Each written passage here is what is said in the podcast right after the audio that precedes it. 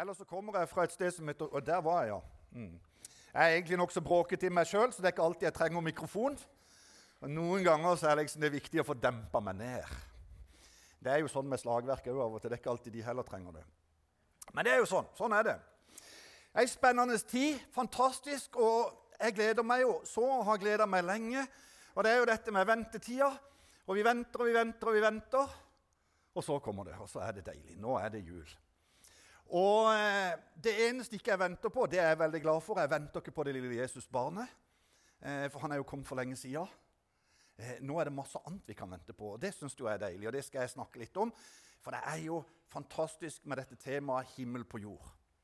For det er jo ikke noe som vi trenger å vente på, det er jo noe som er her. Og det er jo noe av det mest fantastiske som fins. At vi slipper jo å gå rundt og vente og vente og vente. Og av og til så føler jeg at jeg nok venter mer enn jeg burde. Og så prøver jeg å se for meg disse som var før Jesus. Og det står jo en del om det i Bibelen. Disse som i tro på det som skulle komme. Alle trosheltene som gikk og venta på det som skulle komme, på dette lille barnet. Åssen de satte livet på spill, åssen alt mulig skjedde, åssen de ofra, åssen de sto på, åssen de reiste rundt for, til forskjellige steder. Alt disse tingene, åssen de bygde, åssen de reiv ned. Alt det de gjorde i tro på det som skulle komme. De venta. Og veldig mange av de, de aller fleste iallfall, som jeg leser om, ja, de ble født, de venta, og de døde mens de venta. De fikk liksom ikke oppleve det. Og så kommer vi, da. En stund etterpå. Vi blir født. Vi surrer rundt. Noen gjør mer enn andre. Og så får vi oppleve det, og så er det ikke noe mer venting. Så har vi det. For det er jo det Bibelen snakker om. At når vi tar imot Han, så får vi Den hellige ånd som pant. Så bor Gud i oss. Så er Han alltid med oss. Ikke som et voktende øye, ikke som en som er rundt og passer på. Vokt det lille øyet som du ser, eh, eller hva du ser. Vi har en sånn gammel søndagsskolesang som får oss til å framstille Gud som en sånn en som alltid er ute og passer på oss. Men det er han jo ikke. Tvert imot så er han alltid med oss for å styrke oss, for å oppmuntre oss og for å hjelpe oss på veien. For å beskytte oss, for å bevare oss, og så for å la oss få oppleve.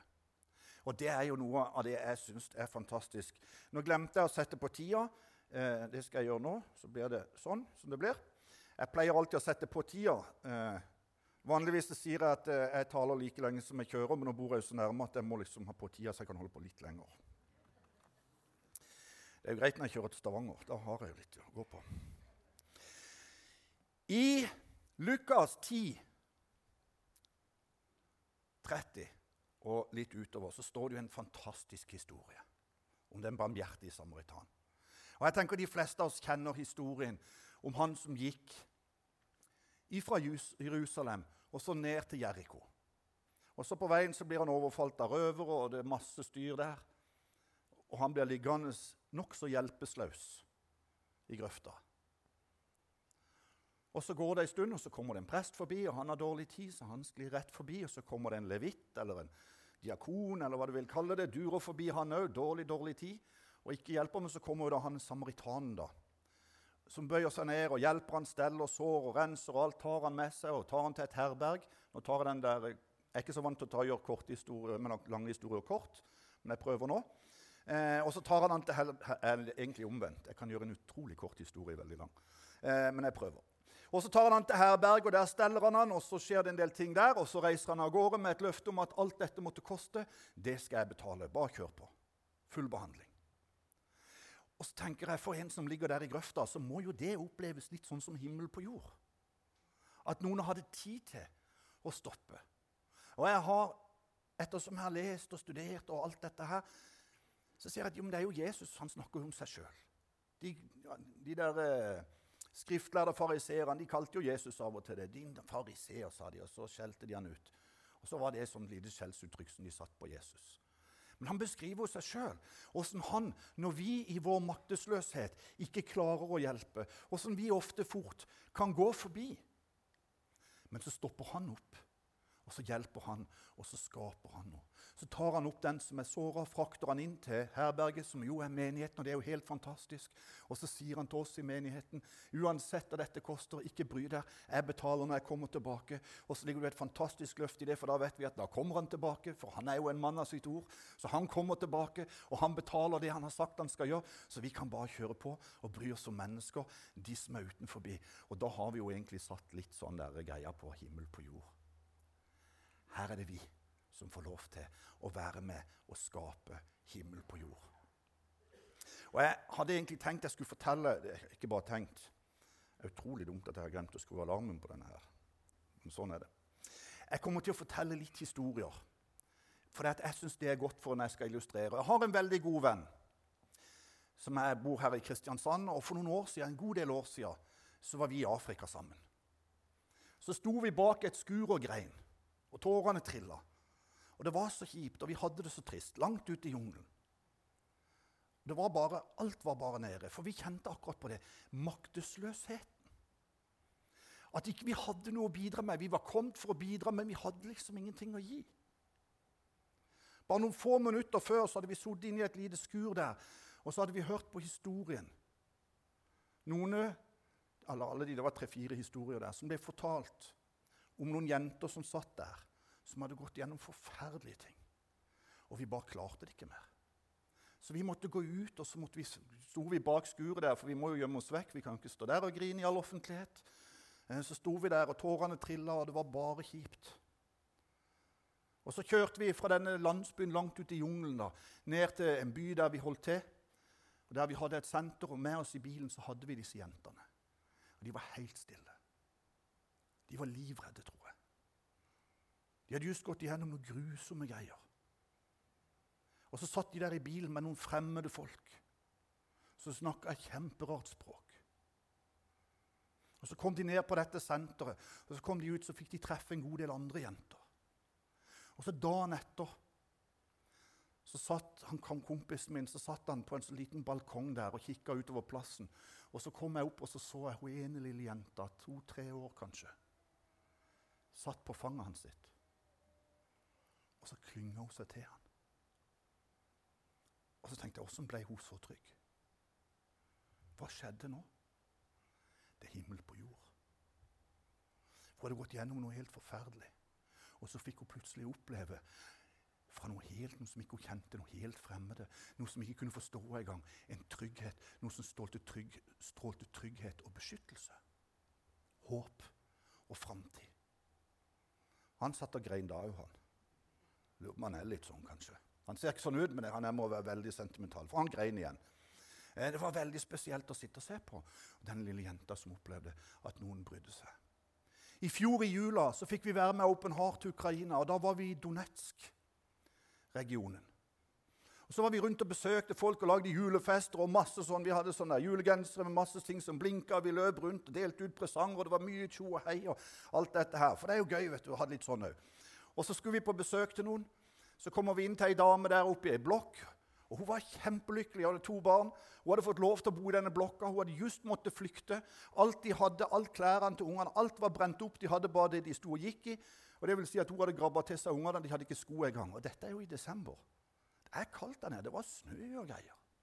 Men hun var så takknemlig, sa for at hun hadde opplevd i den smerten alt hun hadde gått gjennom, så hadde hun fått oppleve at noen hadde gitt dem en leilighet der de kunne få lov til å bo, eller lånt dem.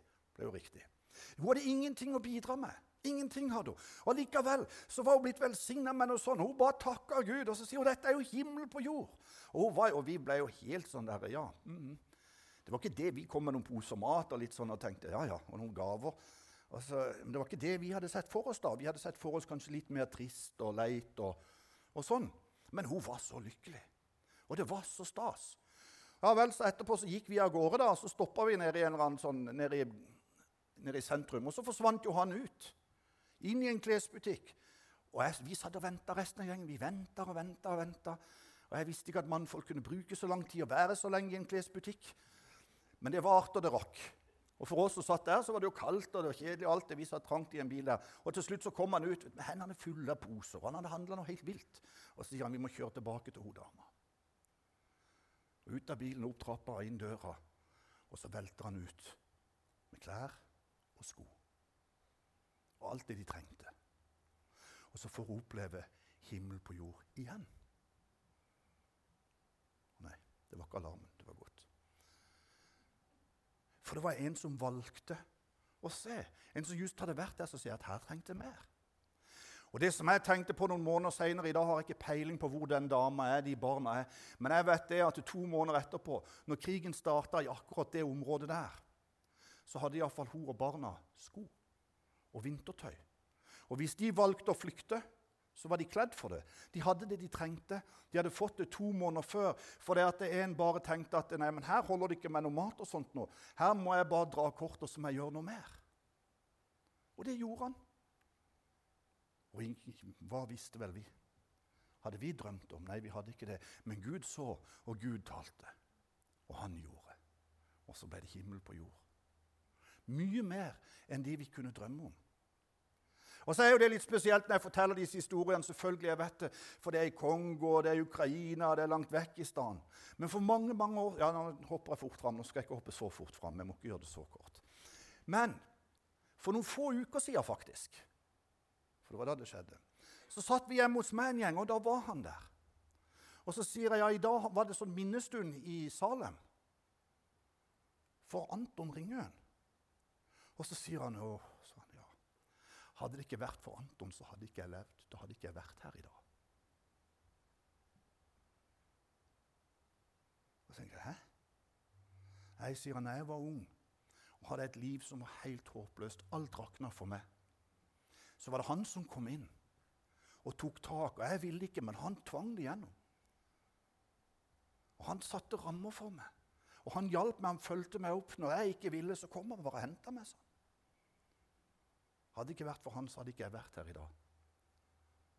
Hadde det ikke vært for han, så hadde ikke hun da i Ukraina fått den hjelpa i fjor. Hadde det ikke vært for han, så hadde kanskje ikke ei eller to av de jentene i Kongo heller fått oppleve det de opplevde. Dominobrikker av himmel på jord. Hva vet vi om det vi gjør når vi går ut og sier at ventetida er over? Guds rike er kommet. Han lever i oss, og nå skal de få lov til å oppleve. Nå skal vi dele. Og hva som blir dominoeffekten av det. Vi kan fortelle så mange historier om mennesker som reiser rundt forbi. Mennesker som gjør ting. Og så hører vi ja, han gjorde det, og han gjør det, og så hører vi vitnesbyrd. Og jeg kan dele vitnesbyrd etter vitnesbyrd. Og så kan vi sitte og tenke å ja, men det er jo helt fantastisk. Hva med meg, da? Jo, men det kommer fra et sted. Og det starter et sted. Og så er det ikke alltid vi får være i begivenhetenes sentrum på en måte sjøl. Men veldig ofte, det som er helt sikkert faktisk alltid, så er det noen som har vært der før, som har lagt til rette. Når jeg får lov til å reise, så er det fordi at noen har møtt meg. Og så bygger jeg videre på noe andre har gjort. Og det gjør vi alle her. For noen har vært, og det begynte med Jesus når han hang på korset, når han valgte å betale prisen. Han ble født som et lite barn, og det feirer vi. Og det har blitt feira så lenge. Noen har venta og venta og venta i tusenvis av år på at han skulle komme, og så kom han. Og noen sitter dessverre og venter enda. Og de har glemt det at han er født. Han er kommet. Nå kan de bare gå videre. Ventetida er over. Vi slipper. Himmel på jorda er her. Vi kan ta imot han. Vi får Den hellige ånd. Han vil lede oss hvis vi vil gå, men da må vi slutte å vente. Da må vi ta tak i det vi har fått, og så må vi si at nå er tida inne. Og nå må jeg ikke rase så fort at jeg glemmer det her. Ja. Det står en annen historie i Lukas 15 om den bortkomne sønnen. Og Den historien er jo veldig kjent for de fleste. Nå tar jeg sånne kjente historier, så slipper jeg å lese alt, for da vet jo alle. Kan jo, de fleste i fall kan historien, ser jeg her. Om han som, hadde, som, tok ut arven sin og reiste av gårde og sølte vekk alt og endte opp helt nedi der. En håpløs situasjon og skjønte at nå har jeg ingenting lenger. Nå er alt tapt.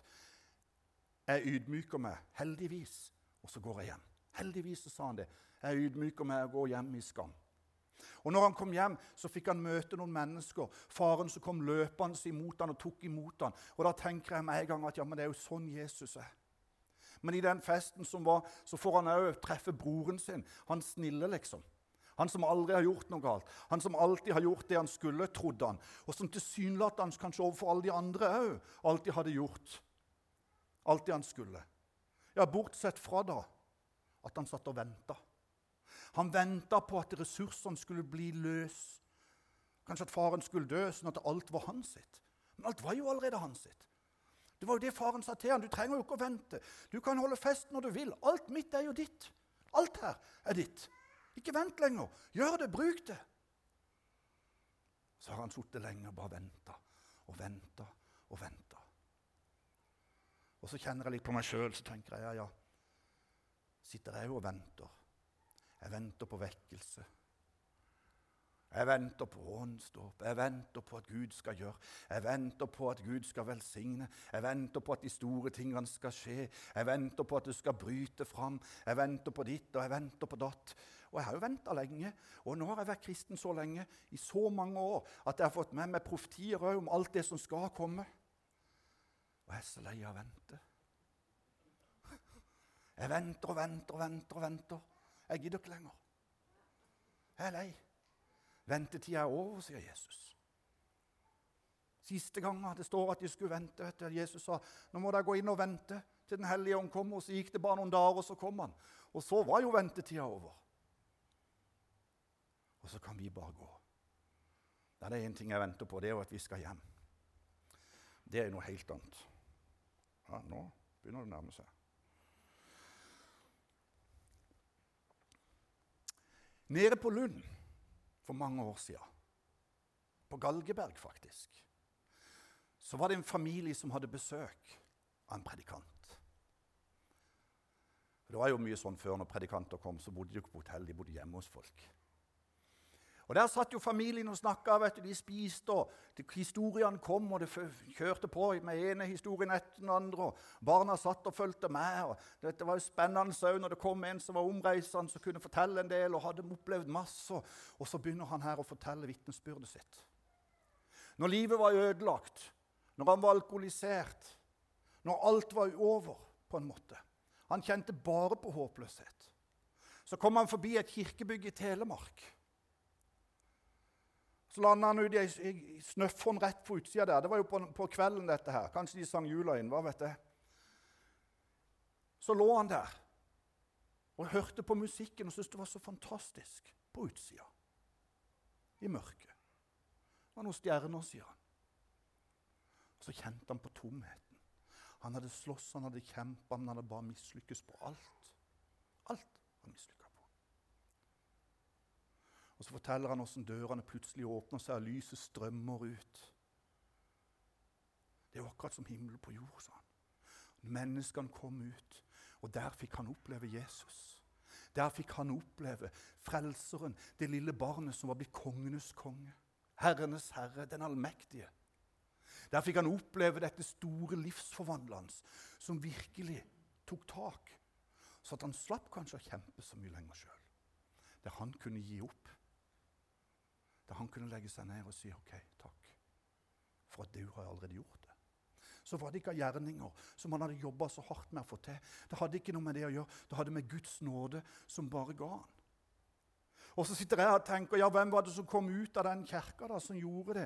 Nei, jeg tenker Han må jo ha opplevd seg litt som den fortapte sønnen sjøl når han lå der i snøfonna, full og gal. Opp, oppgitt over det der. Så tenker jeg at Noen av de som kom ut av den kirkedøra, må jo ha vært som faren til den bortkomne sønnen. Som har sett han med en gang, som har gått ned og tatt han og løfta han opp fra den kalde snøfonna. Som har tatt han til seg, stelt han litt, kanskje gitt han noe mat, gitt han oppmuntring. Kanskje invitert han inn i varmen òg, så han slapp å fryse. Og så har det helt sikkert vært noen som han broren òg. Som var litt irritert. Han har jo fått samme muligheter som meg. Han er jo òg født i Norge. Hvorfor kan han ikke bare skjerpe seg? Hvorfor kan han ikke bare oppføre seg? Han må ikke bare komme her og komme her. Nå drar de han fella meg inn òg. Hvem skal vaske her? Tenk om han spyr. Det kommer til å stinke i evigheter her inne. Vet, vi er forskjellige. Og Så kunne vi sikkert satt opp en fem-seks scenarioer til her nå, men nå skal jeg jo ikke gjøre det. Men vi skal gjøre et lite eksperiment nå. Nå skal jeg faktisk slutte. Tro det eller ei. Vi skal gjøre et lite eksperiment helt på slutten. Og Da skal vi dele oss i to. Den ene, den ene delen skal være damene. For vi skal høre en sang på slutten. og Da kan jeg lukke øynene når den sang kommer. Trenger ikke å gjøre det nå. Det går greit. det går greit, ja. Skal vi høre en sang. Og Når dere hører den sangen, lukk øynene hvis dere orker. Og så kan jeg prøve å sette dere inn i noen, Dette er damene. Prøve å sette dere inn i situasjonen mens dere hører på den sangen. For det at eh, han ene lille gutten som satt på, på Galgeberg her nede og hørte den historien, han kunne aldri glemme den frelseshistorien. Det var forresten Åge Samuelsen de hadde på besøk, hvis det var noen som lurte. Han ene gutten der, lille gutten som satt i stua der, han heter Jan Vincent Johansen. Og når han ble voksen, så skrev han en sang om dette, her, for han klarte ikke å glemme det. Det ble så sterkt for han, dette vitnesbyrdet. Det skapte liksom et håp i han, om noe han òg kunne vente på å oppleve. Så skrev han en sang, og den skal vi høre. Men da, når vi hører den, så damene Kan dere prøve å se for dere hvis dere klarer det, jeg vet dette. Så kan dere se for dere, prøve å se for dere de ulike posisjonene. Han som ligger nede i grøfta, i snøfonna der, når han ser plutselig dørene åpner seg. Prøv å se for deg han som kommer ut, som er som faren som stormer imot ham for å ta imot ham. Og prøv å se for deg åssen han har det. Han hjemmeværende sønnen òg, som tenker at 'å, fytti'. Og Så kan vi jo prøve å stille oss noen spørsmål etter hvert. kan jeg gjøre senere i kveld en gang, hvis jeg husker dette her. Hvor er jeg hen i dette? Jeg mener, Er du i den første eller den siste kategorien, så er det iallfall på tida å knele ned og si 'Jesus, hjelp meg'. Jeg ønsker ikke å være der. For vi ønsker virkelig å være i den midterste, som han faren som løper ut. For dette, da er det himmel på jord. Det kanskje ikke for oss, kanskje koster det oss litt. Jo, jo, det er for oss òg. For når vi gir, når vi ser og når vi opplever, så, så kjenner vi òg at Gud han er med oss. Han er i oss. Dere damer, dere skal prøve på det. Dere mannfolk dere kan jo ikke ha tre tanker i huet samtidig, så dere får bare fokusere på én av dem. Hvis ikke, hvis dere tenker at dere vil prøve å sette dere inn i de andre òg, så kan dere heller prøve å finne ut av hvilken sang det er, så kan dere høre når dere kommer hjem, og så kan dere ta én og én og én sånn.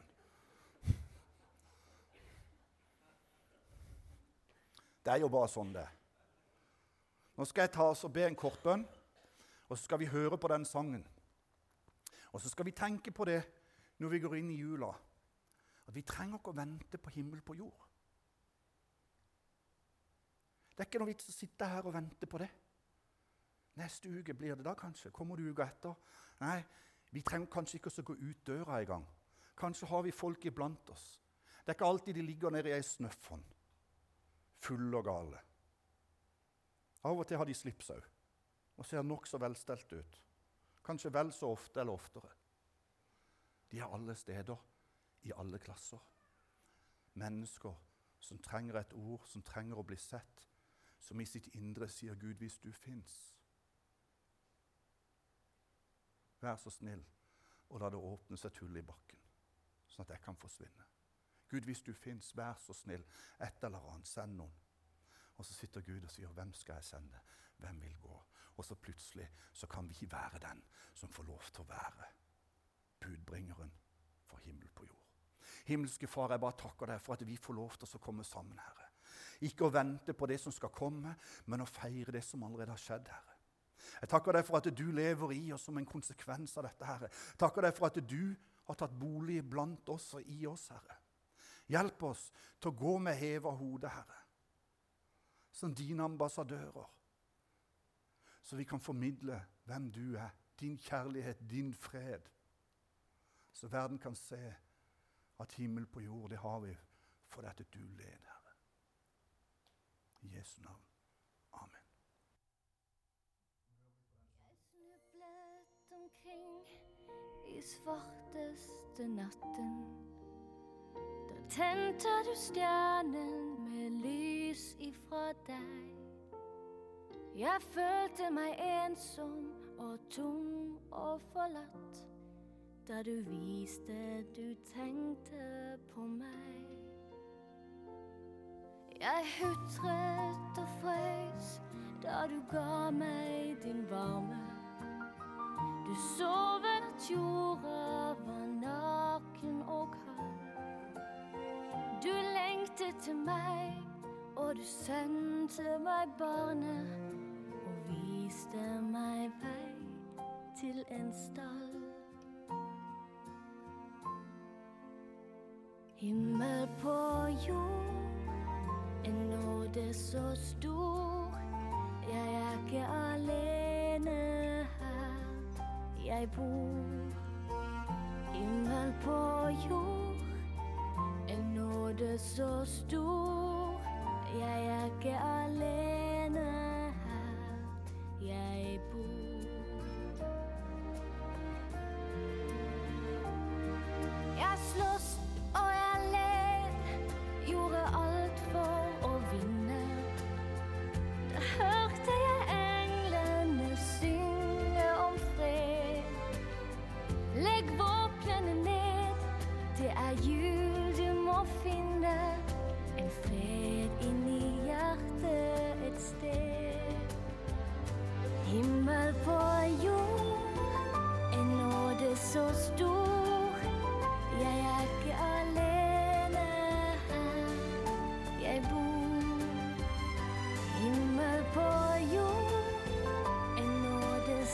nåde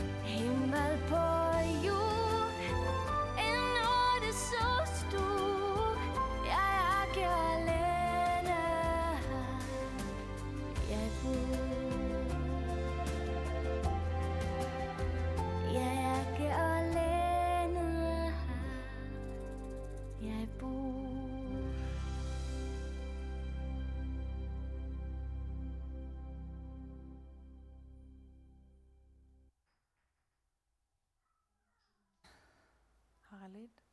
Tusen takk, Helge, for et uh, nydelig budskap. Vi skal feire nattverd sammen.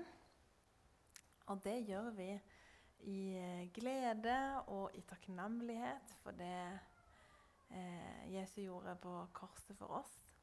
Han forsonte oss med Gud og lot oss få del i det evige liv sammen med han.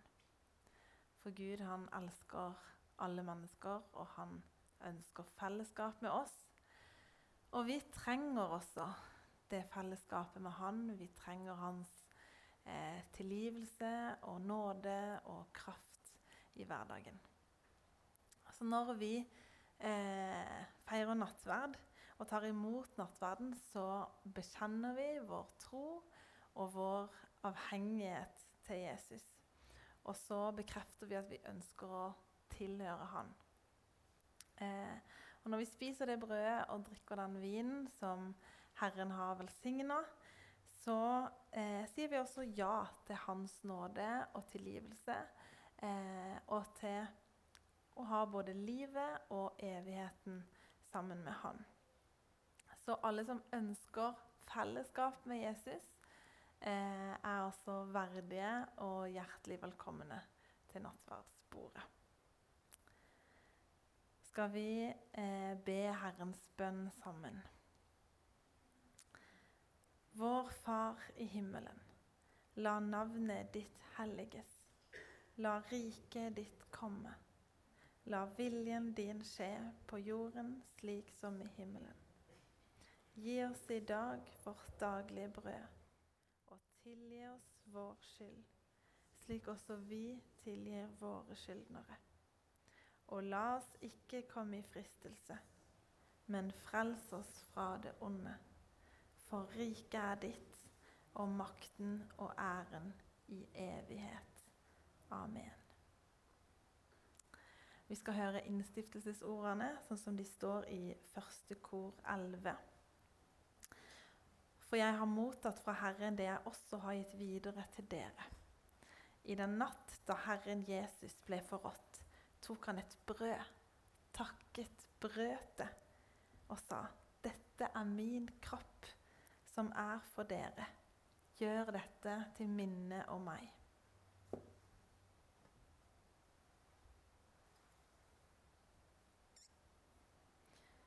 På samme måte så tok han begeret etter måltidet og sa, 'Dette begeret er den nye pakt i mitt blod.' Hver, hver gang dere drikker av det, gjør det til minne om meg.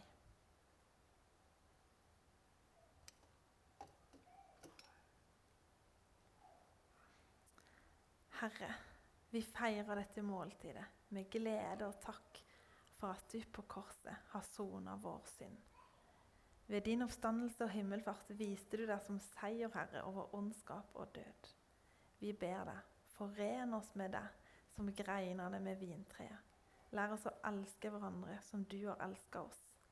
Og la oss en gang samles hos deg i dine evige boliger.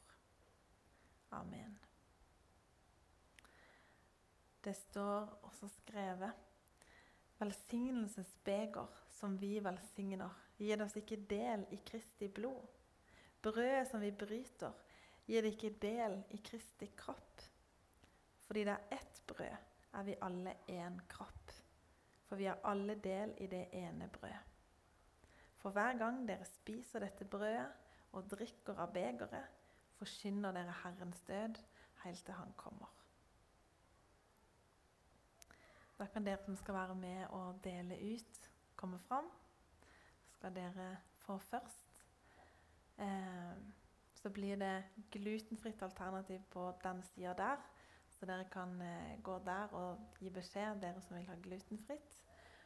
Og eh, imens vi tar imot nattverden, eh, så kommer vi til å være i lovsang, og da vil det også være åpent for forbønn bak i bønnerommet. Så gjør det gjerne etter dere har tatt imot nattverden. Da er det bare til å sette seg på en stol hvis det er opptatt, og så kommer, dere, kommer det en og ber for dere. Mm.